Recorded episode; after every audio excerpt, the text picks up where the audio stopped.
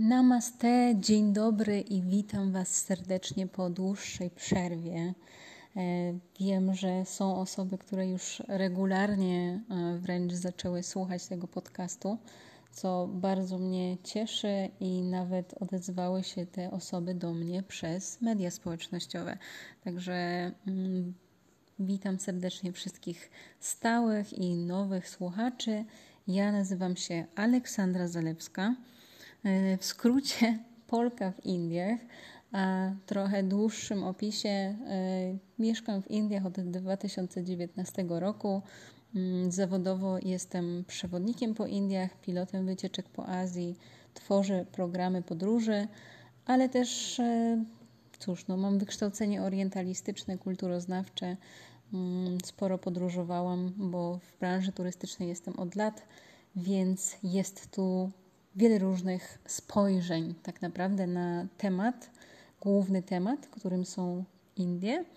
Działam pod egidą Atelier Podróży, e, tak nazywa się moja strona, tak nazywa się mój blog, który powstał bardzo dawno temu. I dzisiaj mam dla Was trochę takich myśli zebranych, tak to dokładnie określiłam, czyli takich takich moich przemyśleń, tak bym to może określiła, bo przyznam szczerze, że za mną bardzo ciężki weekend. Weekend e, wojny z słownej, tak naprawdę z celebrytką na temat tego, mm, co, jak się pokazuje w internecie, w jaki sposób e, to wszystko wpływa na ludzi, ich opinie, ale tymczasem, żeby trochę zmienić temat i oczyścić atmosferę i swoją głowę, postanowiłam, że nagranie takiego podcastu będzie dobrym pomysłem. E, niebawem też powinien pojawić się drugi podcast, w zasadzie inny odcinek dotyczący remontów w Indiach. I to będą naprawdę, mm, znaczy przyznam szczerze, że jak zaczęłam e, robić relacje na ten temat na Instagramie, to wiele osób stwierdziło, że to jest chyba najlepsza e, relacja ever, bo po prostu jest niezwykle e, zabawna, chociaż e, z pełną świadomością tego, że dla mnie, kiedy to ja jestem w tym wszystkim po uszy i muszę się dosłownie użerać z tymi fachowcami tutaj, takie zabawne to nie jest, ale nie chciałam też wiecznie o tym remoncie opowiadać, więc E, doszliśmy razem mm, z grupą na mm, Instagramie do wniosku, że lepiej będzie, jeśli zbiorę te wszystkie moje najdziwniejsze doświadczenia mm, w jeden odcinek podcastu, więc mam nadzieję, że niebawem też e, go tutaj nagram. Tymczasem dzisiaj e, zapraszam na Indie Myśli Zebrane.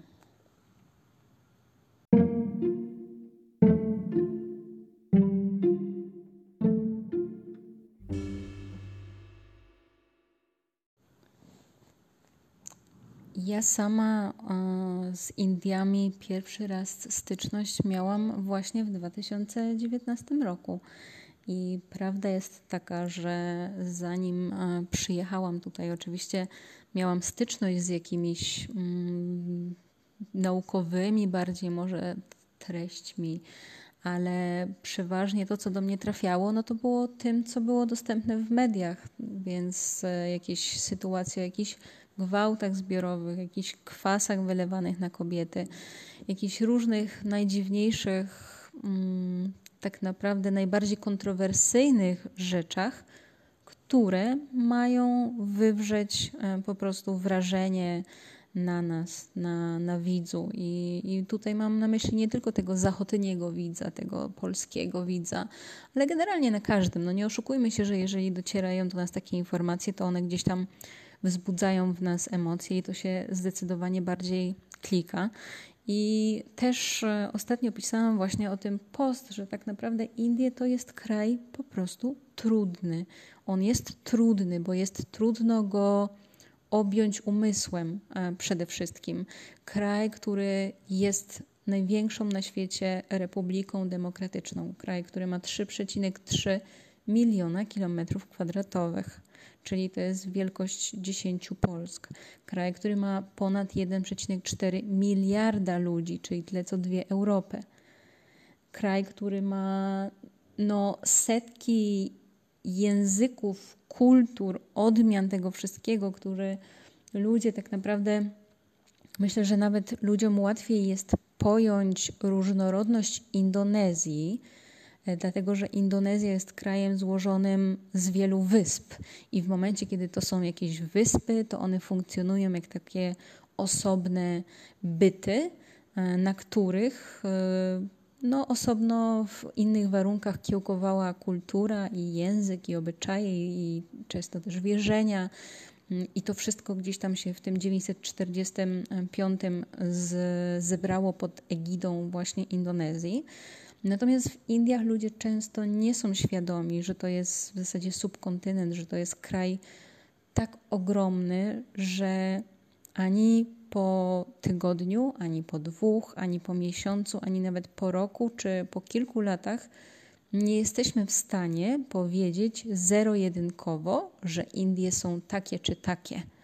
E, dlatego mnie bardzo boli, kiedy ktoś, a już zwłaszcza celebryta, przyjeżdża tutaj, wpada w zasadzie na kilka godzin e, i wystawia opinię e, i już uważa, że w zasadzie to, co zobaczył w te kilka godzin, to już jest wszystko i, i już ten kraj nie ma mu nic innego do zaoferowania.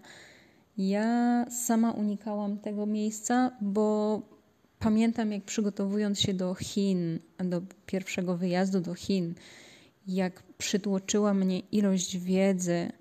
E, to, to co prawda nie jest tak, ja też zawsze dementuję, że pilot wycieczek to jest ktoś, kto musi mieć wiedzę przewodnika, bo po to mamy przewodników lokalnych, ale no mimo wszystko jadąc, jeżeli ja chcę się czuć komfortowo, to się przygotowuję, chcę, chcę wiedzieć więcej o tym miejscu. Więc te Chiny były tak ogromnym, tak ogromną inwestycją e, czasową, energetyczną, intelektualną, że w ogóle wzięcie się za Indię wydawało mi się jakby, no nie wiem, no, no, no zadaniem nie do wykonania ale zdecydowałam się na to ze względu na to, że dostałam wycieczkę połączoną akurat z Malediwami, takie bardzo krótkie, pięciodniowe Indie. Więc stwierdziłam, że na te pięć dni jestem w stanie jakby mm, na pewno wyciągnąć na tyle informacji, żeby gdzieś tam tą moją grupę zainteresować, co myślę, że nawet mi się e, udało, bo, bo, bo, bo były tak naprawdę opinie, że, że będą chcieli jeszcze na pewno do tych Indii wrócić. Natomiast ja pamiętam jak dziś, ponieważ latałam często do Azji, e, kiedy na lotnisku, bodajże w Emiratach albo w Katarze, zobaczyłam ludzi, którzy akurat przylecieli właśnie z Indii, i tam wyszła mm, taka dziewczyna, biała, tak to określę, e, no po prostu Europejka, ubrana w takie właśnie bardzo indyjskie ubrania, jakbyśmy to określili, takie szarawary, takie luźne t-shirt, jakiś turban na głowie. I do dziś pamiętam wyraz jej twarzy. Taki, jakby to określić, zen. Taki, takie zrelaksowanie, takie poczucie zrozumienia, takie poczucie mm, akceptacji, tolerancji, takiej miłości dla, dla świata, docenienia tego, co się ma. To było dla mnie coś tak nies to, to niesamowitego, uderzającego w ogóle, że, że może faktycznie, może te Indie rzeczywiście zmieniają ludzi i zmieniają e, nasze postrzeganie świata i i to było pierwsza taka zachęta do tego, żeby może rzeczywiście tego spróbować. I myślę, że Hmm. Nie wiem, czy się zawiodłam. Na pewno wiem, że ta duchowość, której często e, ludzie Zachodu szukają w Indiach i od Indii oczekują, ona nie jest taka też przejrzysta i jasna, jak byśmy chcieli to uważać. bo prawda jest taka, e, robiłam już na ten temat też relacje kiedyś, że niestety, ale większość tych guru, takich jak Sadhguru, e, takich jak Patanjali, takich jak nawet Sri Sri Ravi Shankar z Art of Living, to są wszystko ludzie, którzy potrafią ubrać rzeczywistość w piękne e, słowa, e, a tak naprawdę gdzieś tam na zapleczu mają taką swoją szafę, do której wrzucają po prostu trupy, czasami dosłownie, czasami w przenośni. I, i ludzie często podążają ślepo, tak jak u nas podąża się czasami ślepo za, za religią, tak, tak samo tutaj niektórzy przyjeżdżają z oczekiwaniem, że mm, nie wiem, że może pobyt w takim ashramie. Myślę, że ten film Módl, jedz się, kochaj gdzieś tam podniósł oczekiwania, że może rzeczywiście pobyt w ashramie w Indiach to jest coś, co zmieni człowieka, ale ashramów jest e, w Indiach cała masa i to nie jest tak, że każde lekarstwo będzie działało na każdego tak samo, że e, jest jedno lekarstwo, które pomoże każdemu. Mm, wydaje mi się, że czasami te nasze oczekiwania są zbyt zawyżone w stosunku do tej duchowości indyjskiej i to też nie jest tak, że na przykład Indusi e, są tacy mocno uduchowieni. E, tutaj celowo mówię Indusi, mm, bo jak zawsze podkreślam, Hindusi to raczej mówimy o wyznawcach hinduizmu, a Indusi o, o wszystkich mieszkańcach Indii. I wtedy jest większa szansa, że nikogo, nawet jeżeli jest wyznawcą islamu czy jednej z wielu innych religii, które tu są, że po prostu go nie urazimy, bo taka jest też nomenklatura angielska. No więc y, wiele osób spodziewa się, że, że właśnie te Indie to jest taka duchowość, wszyscy ćwiczą jogę i wszyscy są wegetarianami może nawet, a tak zupełnie w rzeczywistości nie jest. Więc y, czy ja po tych latach tutaj jestem jak ta dziewczyna z tą uduchowioną twarzą? Myślę, że nie jestem. Myślę, że Indie na pewno dają się lubić, e, dają się zrozumieć na jakimś etapie, e, dają się akceptować, dają się, mm, jak to dobrze określić, poczuć.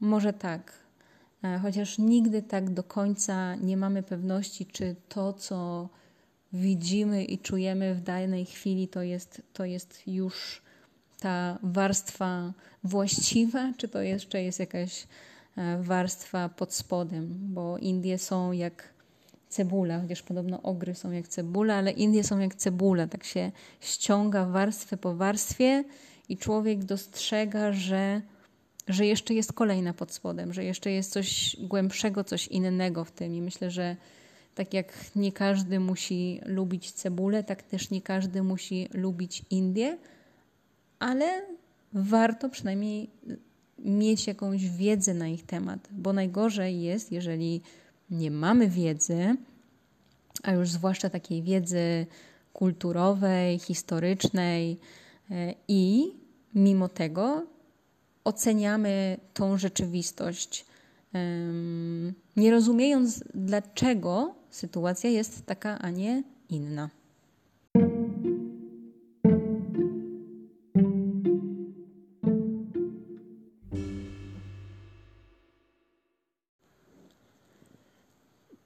Pamiętam, jak e, w okresie pandemii, kiedy w Indiach była ta najgorsza druga fala, zaczęłam być gościem wielu audycji e, radiowych, telewizyjnych, gdzieś tam wypowiadać się w portalach, gazetach.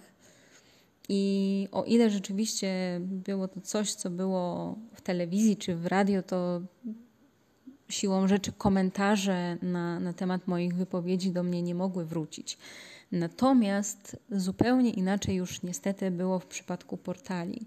I jak dziś pamiętam, jak najpierw mój artykuł jeden trafił na Interię, a potem drugi był na gazeta.pl, gdzie starałam się wytłumaczyć ludziom jakby całą sytuację, to czego, co tutaj się dzieje, dlaczego tak się dzieje, że może rzeczywiście nie jest tak strasznie, jak to pokazują media, że nie potykamy się tu o zwłoki, że nie unosi się w powietrzu zapach e, dymu z krematoriów, że mm, no, palenie, no, mówienie, że tam ścinane są drzewa w Delhi, żeby palić zwłoki, w ogóle to jest jakby pokazanie jednej strony niewytłumaczone, skąd są te drzewa, co to są za drzewa. No jakby temat bardzo złożony, ale nie chcemy mówić o pandemii. Do czego zmierzam? Zmierzam do tego, że niestety, ale zaczęłam czytać po prostu komentarze pod e, tymi artykułami, a myślę, że to jest chyba najgorsza rzecz, jaką można zrobić, bo o ile jeszcze piszemy bloga albo jesteśmy na swoich mediach społecznościowych i ktoś tam się wypowiada, to ludzie są anonimowi, ale znacznie mniej. Czyli jeżeli ktoś um, atakuje cię i, i jakieś wyraża no, takie bardzo tak naprawdę rasistowskie jakieś swoje spostrzeżenia, no to można to zgłosić. Nie, nie wiem na ile rzeczywiście te zgłoszenia działają i te konta zostają blokowane, na ile nie, ale przynajmniej ma się takie poczucie, że można zwrócić uwagę na to, że to nie jest odpowiednie i zablokować taką osobę przed dostępem do, do swojego konta. Natomiast w momencie, kiedy artykuł trafia na taką stronę, E, na taki portal i, i, komentarze są otwarte i ludzie mogą w zasadzie z wolnej stopy w dowolnej chwili się mm, wypowiedzieć, to 90%, myślę, że nie przesadzę, 90 ponad procent komentarzy to były komentarze w stylu e, mają za swoje, dobrze im tak, mnożą się jak króliki, Indie to przecież taki syf, kiła i mogiła, to trudno się dziwić, że tam taka plaga. E, naprawdę ilość nienawiści i takiej, takiego hejtu, tak? Bo w internecie najczęściej to się nazywa po prostu hejtem, e, jest dla mnie nie do pojęcia.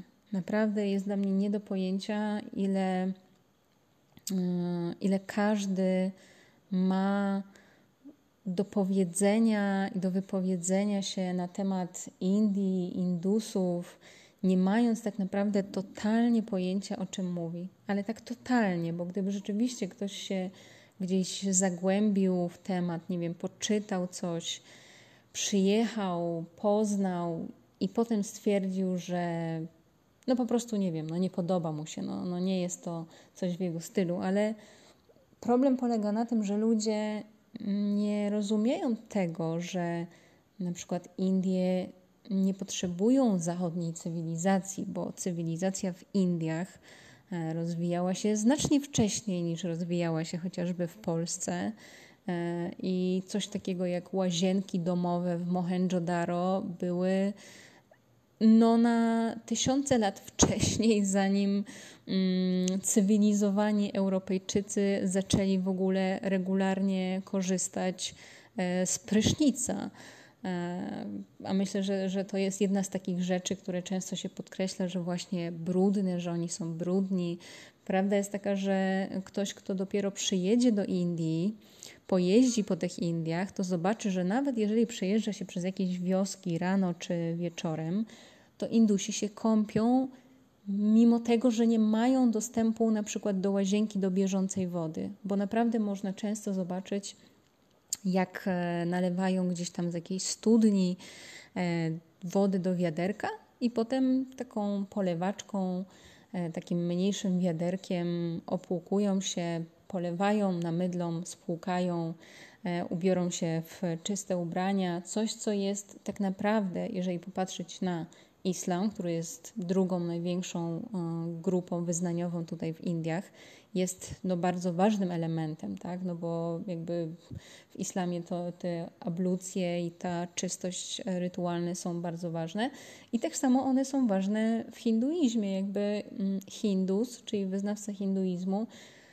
raczej nie pójdzie do świątyni mm, i tak samo nie będzie w swojej domowej świątyni, a no tak 99% ma tę jakąś domową kapliczkę, chociaż jakiś obrazek, nie zapali tam kadzidełka, nie złoży tam ofiary, w sensie jakiegoś kwiatka czy owocu, w momencie, kiedy nie jest czysty, kiedy nie jest umyty. Będąc w Indiach, tak naprawdę, nawet jeżeli nie ma 40 stopni, nie pocimy się e, tak bardzo, możemy zobaczyć, że ludzie kąpią się znacznie częściej niż ludzie na e, zachodzie. To, że kogoś nie stać na dezodorant, to już jest jakby inna kwestia, ale no to są rzeczy, które dopiero nas dotykają w momencie, kiedy decydujemy się na jakieś podróże e, transportem publicznym najczęściej. Ale myślę, że kto choć raz przejechał się latem w Polsce tramwajem lub autobusem, ten doskonale wie, że, że problem jest problemem międzynarodowym. E, tak bym to może określiła. Jeśli chodzi o mm, te śmieci, o których tak często się tutaj wspomina, to tak, owszem, w Indiach jest problem e, gospodarowania odpadami. Mm, chociaż jak słyszę czasami, że tutaj nikt nie sprząta, śmieci się walają po ulicy, no jakby tak to nie wygląda. Gdyby tutaj nikt nie sprzątał, to już dawno utonęlibyśmy w tych śmieciach zwyczajnie. Najczęściej niestety wygląda to tak, jak aktualnie wygląda to wokół mojego osiedla, że jednego dnia przyjeżdżają służby, mm, sprzątają te śmieci, a drugiego dnia te śmieci tam już są znowu. Bo ktoś, kto na przykład, no, jeżeli mieszka się na osiedlu, to my musimy segregować śmieci, osobno suche, osobno eko, e, codziennie rano się to wystawia. Mm, często takie osiedla mają cały system zarządzania odpadami, przetwórstwa tych odpadów. E, no ale wiadomo, że nie każdy mieszka na osiedlu, bo są po prostu domy wolno stojące, domy jednorodzinne i e, Nieraz widzę, jak właśnie ktoś z tych domów jednorodzinnych zwyczajnie wychodzi z wiaderkiem i wyrzuca te śmieci gdzieś tam przy drodze. I i myślę, że to jest coś, co będzie nadal e, problemem w Indiach, bo no niestety jest to kraj ogromny mm, i tak naprawdę mm, obarczanie teraz winą za to, no nie wiem, rządu centralnego też jest trochę pomówieniem, bo za segregowanie odpadów, zarządzanie odpadami odpowiadają wszelkie służby miejskie. Jest to budżet miejski. E, I w tym momencie to jest mniej więcej na tej samej zasadzie jak droga koło mojego domu, która e, ilekroć jest monsun, tak jak teraz, jest po prostu wypłukiwana i jest dziura na dziurze. W zasadzie jest więcej dziur niż drogi. Mm, potem jest e, remontowana właśnie w czasie, kiedy jeszcze nie powinna, żeby zaraz ją znowu wypłukało. Z drugiej strony, jak już ktoś położył piękny nowy asfalt, to któryś z jakichś domów wolnostojących akurat jakiś doszedł do wniosku, że sobie pociągnie kanalizację, albo jakiś światłowód, albo jeszcze coś innego i po prostu zwyczajnie tą drogę rozwala. I potem te służby przychodzą za jakieś pół roku i znowu tą drogę muszą naprawić. Oczywiście do tego dochodzą wszelkiego typu defraudacje i gdzieś tam e, wykorzystywanie pieniędzy w nieodpowiedni sposób, e, co w Indiach jest i co nie tylko w Indiach jest, bo nie oszukujmy się, że e, naprawdę problem każdy wymieniony przeze mnie będzie problemem większości krajów na świecie. Różnica polega tylko na tym, że inna jest tego problemu skala. Bo tak jak wtedy mm, w czasie pandemii mówiono, że w Indiach już 200 tysięcy jest e, zachorowań, mm, Owszem, tylko że jeżeli porównamy te 200 tysięcy do miliarda 400 milionów e, obywateli, a teraz porównamy, że Polska ma 40 milionów obywateli i na przykład było 3 tysiące zachorowań, skala. Wszystko jest kwestią skali, więc w momencie, kiedy inny kraj będzie miał problem e, z odpadami, z biedą, e, nie wiem, z dostępem do prądu, czystej wody, to wszystko w Indiach będzie na znacznie, znacznie większą skalę. bo to jest większy kraj. Mm, I teraz do tego jeszcze dochodzi jedna bardzo ważna rzecz, ale tutaj znowu trzeba znać historię, że tak naprawdę kraj ten był jednym z najbogatszych krajów. Ja też już e, w wielu odcinkach o tym wspominałam. Odsyłam też do poprzedniego, ostatniego odcinka mm, Fakty i mity, e, który jest z konferencji dla indologii, gdzie e, mówiłam o tym, że Indie były jednym z najbogatszych krajów tak naprawdę w pewnym momencie, do momentu, kiedy nie pojawili się tutaj Brytyjczycy i po prostu te Indie zrujnowali. Więc jeżeli dzisiaj jedna lub inna celebrytka jedzie sobie, no nie wiem, tak jak mm, do jakiegoś kraju typu jakiś europejski kraj, niech będzie Wielka Brytania, tak, bo to ona była kolonizatorem. To jest dokładnie tak, jak powiedział na konferencji mm, G20 jeden historyk indyjski, że on przyjeżdża dzisiaj do Glasgow, on przyjeżdża dzisiaj do Liverpoolu, on ogląda te piękne domy, te e, wybrukowane ulice, może się zachwycać, jak tu jest pięknie, czysto, cudownie. Tylko nikt nie popatrzy, że tak naprawdę do dnia dzisiejszego Wielka Brytania jest winna, e, i tutaj musiałabym dużo zer wymienić, ale około biliona 400 miliardów dolarów e, Indiom za to, co zostało wywiezione stamtąd, skradzione, ukradzione Indusom w wszelkiego rodzaju mm, materiałach, e, plus nie wspominając już o najważniejszym ich skarbie, czyli Kohinur, tym e, diamencie, który jest w koronie królewskiej Wielkiej Brytanii. E, więc on jasno powiedział, tak, że w momencie, jeżeli tak naprawdę Brytyjczycy zbudowali swoją potęgę i swoje bogactwo kosztem jego kraju, E, po czym wyszli, bo już w zasadzie nie było co brać, i powiedzieli w 1947 roku: Dobra, to teraz radźcie sobie e, sami. E, I jeszcze do tego zasadą rzymską dziel i rządź wprowadzili bardzo silny konflikt hindusko-muzułmański. Tak naprawdę doprowadziło to do tego, że były przesiedlenia i potem jeszcze wojna domowa, wojna z Pakistanem no to trudno się dziwić, że w takich warunkach Indie miały problem się odbudować.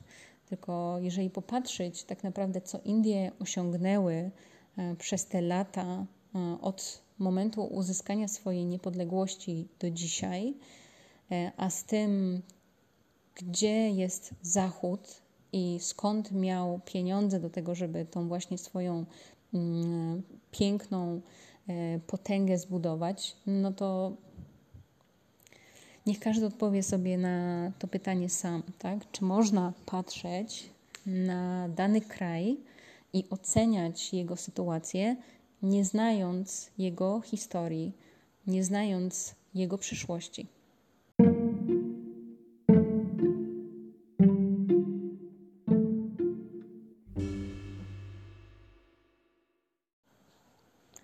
Ja nie jestem z wykształcenia indologiem. E, z wykształcenia jestem arabistką. Mam tytuł magistra arabistyki i islamistyki. E, były to studia tak naprawdę kulturoznawcze.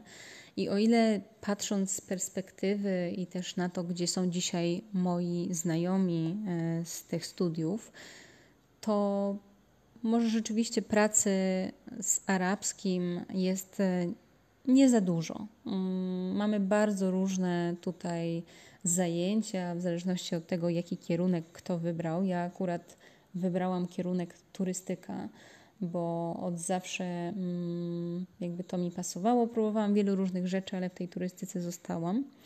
Natomiast e, chodzi mi tutaj o to, że chociaż nie używam na co dzień języka arabskiego, e, to jedna rzecz jest bardzo wartościowa, której, którą dały mi te studia, te studia kulturoznawcze. A mianowicie taką otwartość, chęć poznawania i odkrywania bez oceniania. Ja pamiętam jak dzisiaj, jak mój e, pan od historii, pozdrawiam pana Jurę, jeśli kiedyś będzie to gdzieś może słychał, e, słuchał w moim chrzanowskim liceum, e, zawsze nam powtarzał, że pamiętajcie, krytyka to nie jest wyrażanie negatywnych emocji. Krytyka to jest analiza dobrych i złych stron. Tyle, że tak po prostu się przyjęło mówić, że jeżeli ktoś cię krytykuje, to znaczy, że po prostu wylewa na ciebie wiadro pomyj. I nie oszukujmy się, że tak jesteśmy wychowani w większości, że ciężko jest nam przyjąć e, krytykę. E, ciężko jest nam przyjąć to, jeżeli ktoś nam wytyka jakieś błędy. Każdy chce mieć rację, każdy chce uważać, że wie dobrze, i myślę, że nie ma w tym nic złego, ale czasami może warto się jednak zatrzymać i gdzieś do jakiegoś błędu się przyznać. Ja nieraz tak robiłam. Kto dłuższy czas gdzieś tam śledził mnie w mediach społecznościowych, ten doskonale to wie, że nie uważam siebie za żadnego omnibusa. Natomiast jedno wiem na pewno, że pojęcie krytyki e, w sposób, w jaki ewoluowało, Niestety, na dzień dzisiejszy internet przyjmie wszystko. E, tak jak kiedyś mówiło się, że papier po prostu przyjmie wszystko. E, ludzie uwielbiają wyrażać swoje niepochlebne opinie. Jeżeli przykładowo jako pilot jadę na wycieczkę i na tej wycieczce będzie 30 osób, z czego 29 zadowolonych, a jedna nie, to ta jedna napisze opinię, a te 29 nie, bo oni wrócili zadowoleni, po czym wrócili do swojego życia i dalej są zadowoleni, a ta jedna osoba zawsze będzie miała potrzebę wyrażenia gdzieś, wylania swoich negatywnych emocji i to się niestety nieraz zdarza. E, oczywiście są osoby, firmy, które są gdzieś tam bardziej tego świadome, są takie, które mniej. Natomiast e, myślę, że Problem czasami polega na tym, że my nie mamy możliwości odpowiedzenia na to. Mnie to bardzo zawsze bolało, jak pracowałam dla jednej z dużych firm, że pojawiały się gdzieś w internecie właśnie jakieś opinie mm, klientów, a my nie mieliśmy możliwości, żeby się do nich ustosunkować w żaden sposób. Natomiast y, wielokrotnie śmiałam się z tego, jak właśnie na jednej i tej samej wycieczce była opinia cudownie, wspaniale, wow i polecam wszystkim, i jednocześnie od drugiej osoby opinia, że ja nie pojechałam na tą wycieczkę, żeby słuchać regułek jak z książki. I, i to jest mniej więcej tyle w temacie tego, jak kto postrzega y, rzeczywistość. Ja myślę, że ważną rzeczą jest tylko tutaj to, że tak jak w szkole albo nie mówię, że w każdej, ale tak jak w większości szkół nie mamy możliwości wybrania sobie lekcji etyki, tylko są lekcje religii, tak i ludziom, może tak to określę, ludziom w naszym kraju często brakuje umiejętności miękkich, właśnie tych umiejętności takich które wydają się nieważne, których nie uczy się na studiach. Myślę, że nieraz już właśnie będąc na jakiejś konferencji słyszałam, że no przychodzi taki młody człowiek po studiach i co z tego, że ma e, świetne, no nie wiem, możliwości, nie wiem, umiejętności radzenia sobie w plikach Excel albo jakieś, nie wiem, programowania i innych rzeczy, kiedy brak mu umiejętności miękkich. I w momencie, kiedy przychodzi do tego, że jest praca zespołowa, to nagle wszystko się sypie, bo ludzie nie potrafią ze sobą rozmawiać, bo zespoły są międzynarodowe i taka osoba nie ma pojęcia w ogóle, jak ta osoba, a często właśnie to są pracownicy z Indii, jak ona funkcjonuje, jak ona jest wychowana, jak ona może postrzegać świat, jakie ona ma jakieś takie swoje właśnie mm, stereotypy i, i schematy w swojej głowie, bo nie da się ukryć, że niezależnie kto, gdzie i jak nas nie wychowywał, to zawsze każdy z nas ma w głowie jakieś stereotypy i jakieś uprzedzenia. Tak to po prostu niestety działa. Proces socjalizacji jest ułomny i, i sprowadza się to do tego, że ktoś mi potem zarzuca, że ja nie potrafię przyjąć krytyki na temat Indii, że kiedy ktoś krytykuje ten kraj, to ja już jestem od razu wzburzona. Um, krytyka, raz jeszcze podkreślę, to jest analiza dobrych i złych stron. Ja, e, kiedy wielokrotnie wypowiadam się na temat Indii, piszę na ich temat, staram się patrzeć na ten kraj jak najbardziej obiektywnej perspektywy. Nie da się tego zrobić w pełni obiektywnie. Nie da się. Po prostu e, jako ludzie nie jesteśmy w stanie tak całkiem się wyłączyć. I teraz ktoś, kto przyjeżdża do Indii na chwilę, tak jak nasza wspomniana celebrytka, i mówi, że ona jest obiektywna w swoich opiniach, ponieważ ona nie ma żadnych, mm, nie ma żadnego powodu, żeby nie wyrażać prawdziwej um, prawdy na temat tego kraju, prawdy na temat tego, co zobaczyła, jest znowu błędem. To jest tylko i wyłącznie jej subiektywna wizja i jej subiektywne zdanie na temat tego, co zobaczyła. Nie ma w tym nic obiektywnego. W każdym kraju są szczury. Jeżeli ja będę chciała napisać artykuł o tym, jaki Paryż jest cudowny, to pójdę pod wieżę Eiffla, pójdę na Montmartre, e, zrobię zdjęcia na niedzielnym targu, pokażę bagietki, jakieś pary trzymające się za ręce i zrobię z tego miejsca raj.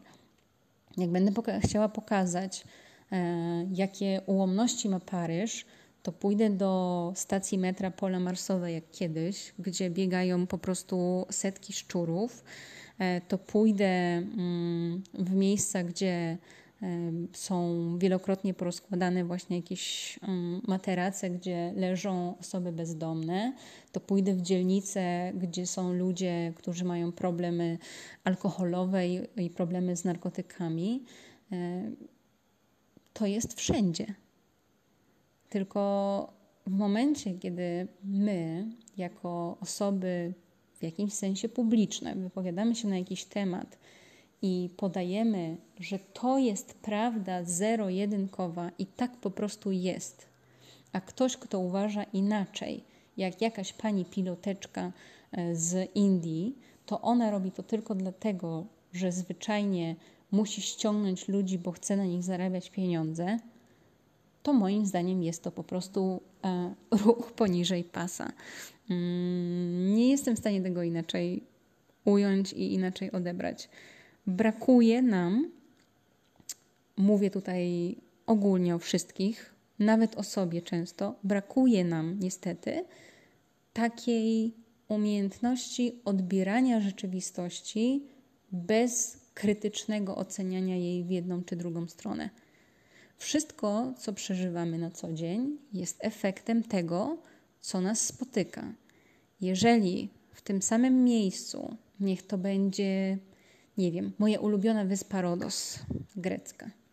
Jeżeli w tym samym miejscu ktoś przyjedzie i spędzi wspaniały dwutygodniowy urlop, zje pyszne jedzenie, pozna przemiłych ludzi, mm, zobaczy piękne miejsca, to powie, że Rodos to jest raj na ziemi i każdy powinien tam przyjechać i w ogóle stwierdzi, że będzie tam wracać jeszcze nie raz. Jeżeli ktoś y, na tym Rodos na przykład trafi na jakiś gorszy hotel albo na jakiś gorszy czas w tym hotelu, bo, bo często z perspektywy turysty to jest tylko kwestia, że nie wiem, nie było jajek na śniadaniu albo kawa była zimna. Jeżeli potem się okaże, że mm, jakiś plan jego poszedł nie pomyśli, bo przykładowo, nie wiem, wypożyczył auto, a okazało się, że ktoś go gdzieś stuknął albo obdarł i teraz e, ktoś, i teraz będzie musiał zapłacić za to, bo nie obejmowało tego ubezpieczenie. E, jeśli, mm, nie wiem, zje coś, co mu zaszkodzi, albo wypije coś, co mu zaszkodzi i spędzi trzy dni w łazience zamiast na plaży, to ta osoba stwierdzi, że Rodos jest najgorszym miejscem na świecie i nie warto tam przyjeżdżać i koniec. No i okej. Okay. E, tylko to nie znaczy, że teraz trzeba powiedzieć, że to jest prawda zero-jedynkowa, że jeżeli mnie to spotkało, to wszystkich innych też to spotka. Bo ja też mam różne kraje na swojej liście odwiedzonych, które niekoniecznie mam ochotę tam wracać, ale wychodzę z założenia, że każdy powinien sam pojechać tam i sam przekonać się, czy to jest miejsce dla niego. E, przeżyć swoje um, urlopy, swoje wakacje, swoje wycieczki, swój czas spędzić w tym miejscu i wtedy ocenić, czy mu się to podoba, czy nie. A jeżeli jako influencer, bo tak naprawdę żyjemy w świecie influencerów, jeżeli jako influencer, czyli osoba mająca wpływ, tak? Bo influencer to jest ktoś, kto wywiera wpływ. Więc jeżeli jako influencer wywieram wpływ na tysiące osób, które mnie oglądają i pokazuję im jakiś wycinek rzeczywistości indyjskiej, mówiąc, że tak jest, i, i cieszę się, że zniechęciłam te osoby do wyjazdu do tego kraju, to moim zdaniem jest to nie fair. Bardzo nie fair i w tym momencie, cóż mogę powiedzieć, no jeżeli ktoś przyjmuje, że taka um, informacja na takim influencerskim koncie to już jest wyznacznik tego, jak ta osoba powinna postępować, to widocznie zbyt duży pozwala mieć temu influencerowi wpływ na siebie. Ale jak to ostatnio określił Łokik, influencerzy też powinni ponosić odpowiedzialność za to, co robią. Dlatego myślę, że warto czasami rozliczać ludzi z tego, co opisują i jak opisują i jakich używają tak samo określeń, bo pisanie, że brud w Bangkoku jest egzotycznym brudem, a przez to bardziej przyjemnym niż brud w Indiach, niech każdy oceni to sam.